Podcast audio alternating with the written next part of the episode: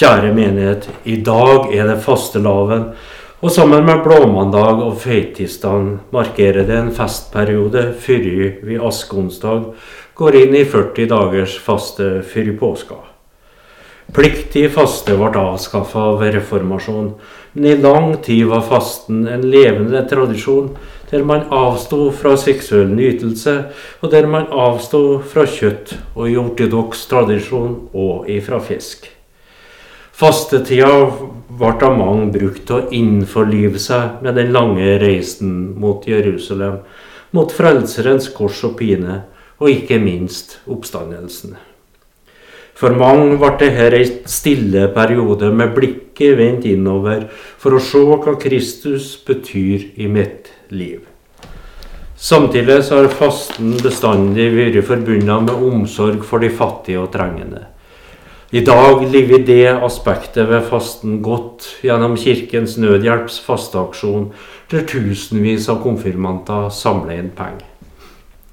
Årets fasteaksjon skal bl.a. gå til, til, å gi folk rent vann og trygge sanitær- og hygieneforhold. Denne solidaritetsaksjonen er viktig og gjør en forskjell for folk, men den er òg viktig i den forstand at fasten ikke bare blir en egogreie, det er mitt liv og min frelse som står i fokus. Ellers er det vel sånn at faren for det kanskje ikke er overhengende. Mitt inntrykk er at stort sett den eneste resten av fastetradisjonen som holder seg, det er fetisdagen med saltkjøtt og kårstad. Om det er en rett observasjon, er det synd, i den forstand at fastetida kan være ei utmerket tid for å tenke over de mer åndelige sidene av tilværelsen. Jeg tror de fleste av oss kan ha godt av en pause i vår travle hverdag. En pause fra skjermens tyranni og vår hang til stadig shopping og ellevilt konsum. Og her er presten intet unntak, dessverre. I dagens tekst heter det Han tok de tolv til side og sa til dem, Se, vi går opp til Jerusalem, og alt det som profeten har skrevet om menneskesønnen, skal gå i oppfyllelse. Han skal overgis til hedningene og bli hånt og mishandlet og spyttet på, og de skal piske ham og slå ham i hjel, og den tredje dagen skal han stå opp. Men de skjønte ikke noe av det, meningen var skjult for dem, og de forsto ikke det han sa. Jesus har starta sin ferd mot Jerusalem. Dagens tekst står innklemt mellom flere lignelser og fortellinger, bl.a. om fariseeren og tolleren, om Jesus som blir sint når noen prøver å hindre ungene fra å nå han. Og den om den rike unge mannen som går bedrøva bort når Jesus ber han om å selge alt han har, og gi bort til de fattige. Å være i lag med Jesus er intense saker. Det er hele tida folkemengder som presser på, under som skjer, og visdomsord som stadig utfordrer og provoserer våre inngrodde forestillinger om hvem og hva som er viktig i verden, og som oftest rokker han ved all snusfornuft. Når Jesus nå tar de tolv til side og forteller at ferden mot Jerusalem vil ende med at han blir hånt og mishandla, at han skal bli piska og drept for deretter å stå opp tredje dag, så virka det ubegripelig for disiplene. De skjønte ikke noe av det, meninga var skjult for dem, og de forsto ikke hva han sa. Korshendelser, påskehendelser hadde ennå ikke skjedd. Hvordan kunne de forstå? Vi har hørt denne historien gjennom 2000 år. Mange av oss har levd oss inn i den gjennom å lese av Bibelen, delta i påskens gudstjenester.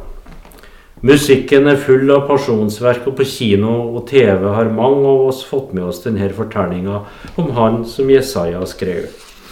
Se, min tjener skal ha fremgang, han skal opphøyes og løftes opp og bli svært høy.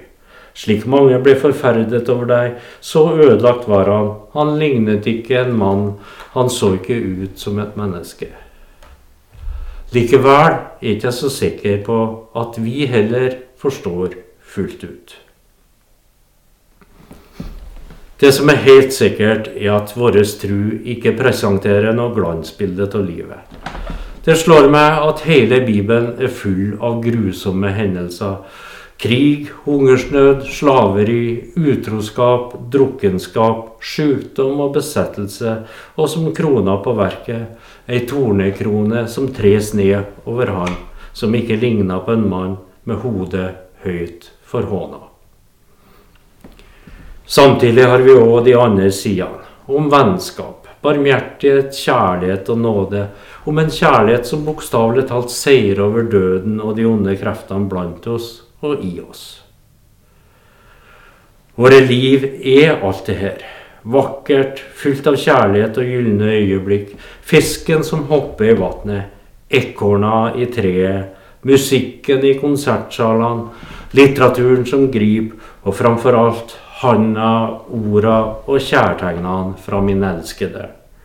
Men òg krenkelsene, skuffelsene, nederlagene, overgrepene, fornedrelsen, sjukdommen og noen som bare går sin vei. Alle dem vi mister underveis, og til sist vår egen overgivelse, vår egen død og vår eget kors. Alt det her er livet, og noen gang er det ikke til å holde ut. Noen ganger er våre kors ikke til å bære. Så vidt jeg forstår, er vi som tror på Kristus, det eneste han som holder oss med tortursymbol som logo og merkevare. Man er frista til å si er det rart at medlemstallene peker feil vei. Vi er vel òg de eneste som snakker om at vi må ta opp våre kors og følge han som snubla seg fram mot Golgata, som bokstavelig talt segna om under vekta av korset. Vår Gud ble menneske og ble den svake Gud, et skjørt og ynkelig menneske som ble piska og hånt for han døde på et kors, som så mange før han. Vår Gud vandra fornedringens vei, som så mange hadde gjort før, og som mange har gjort etter han, gjennom jødeforfølgelse og hekseprosesser, gjennom dødsmarkene i Vietnam og Kampuchea, i Afghanistan, i Sør-Amerika og akkurat nå i Ukraina. Overalt hvor mennesker drepes, dreper vi Gud igjen og igjen. Men poenget med korset som varemerke og symbol er jo nettopp at døden ble overvunnet, at kjærligheten seier over dødskreftene, at størst av alt er kjærligheten. I svakhet ligger styrke, død blir til liv. Det er hvetekornets lov, nytt liv av døde gror. Jeg vet ikke om vår tru nødvendigvis er ei vakker tru, men i all sin realisme, all sin gru, er den truverdig. Livet blir alle bare en rosenhage. Livet vil gi oss noen kilevinker, noen ganger så hardt at vi undres på om vi klarer det. Oftest gjør vi det, og ut av krisene kommer vi gradvis tilbake, kanskje skadeskutt, men noen ganger òg litt klokere og modnere enn før.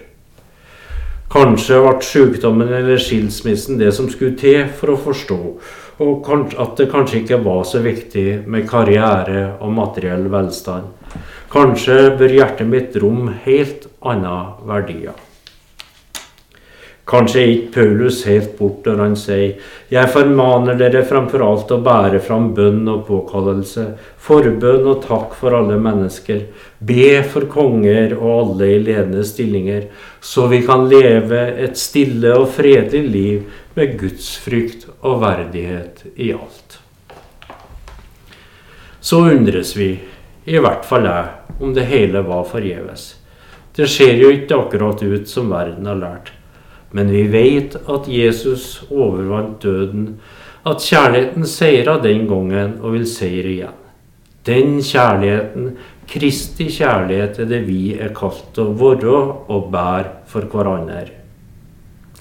Om det så innebærer at vi av og til må ta opp vårt kors for å følge Han som er veien, sannheten og livet. Ære være Faderen og Sønnen og Den hellige ånd, som var, er og forblir én sang Gud fra evighet til evighet. Amen. La oss be. Hellige treenige Gud, du som er visdommens, fredens og kjærlighetens kilde. Sammen med kirka i hele verden kommer vi til deg og ber beskytt folket i Ukraina. Kom med din trøst til alle dem som er redde og som er i de krigs- og konfliktramma områdene. La dem merke din kjærlighet og fred, og gjennom det finne mot til gode gjerninger. Til deg kommer vi med vår uro og ber om fred i Europa og verden. Gi verdens ledere visdom, mot og handlekraft til å avslutte krigshandlingene, redd menneskeliv og finne fredelige løsninger. Jesus Kristus, du som er verdens lys, kom med din fred. Gud, vi ber. Gud, vi ber til deg for det folk som vandrer i mørket, for fanga og forfulgte, de brødløse og heimløse, de bombetrua og lemlesta, for de sjuke på kropp og sjel, de ensomme og bortglemte. Gud, vi ber. Gi brød og fred, gi rettferdighet og frihet i verden gjennom alle som arbeider for en mer menneskelig framtid. Dem som tar avgjørende beslutninger dem som bygger bruer og hus. Dem som gjør død jord lovende og fruktbar. Dem som pleier å behandle. Dem som forsker og underviser. Gud, vi ber. Gi oss alle av ditt ord gjennom de velsigna kirke, som et daglig brød, ei kraft som virker til kjærlighetshandling, et lys på vei fra krybbe til kors, gjennom dødsskyggens dal til vår heim hos deg. Gud, vi ber. La oss sammen be Herrens bønn. Vår Far i himmelen. La navnet ditt helliges. La riket ditt komme. La viljen din skje på jorden slik som i himmelen. Gi oss i dag vårt daglige brød, og tilgi oss vår skyld, slik også vi tilgir våre skyldnere. Og la oss ikke komme i fristelse, men frels oss fra det onde. For riket er ditt, og makten og æren i evighet. Amen.